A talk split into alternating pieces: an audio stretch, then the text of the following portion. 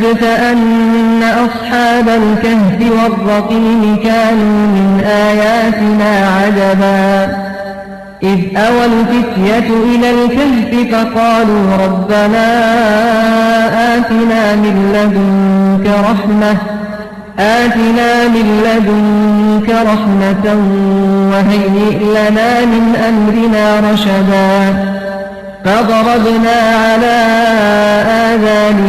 الكهف سنين عددا. ثم بعثناهم لنعلم أي الحزبين أحصى لما لبثوا أمدا.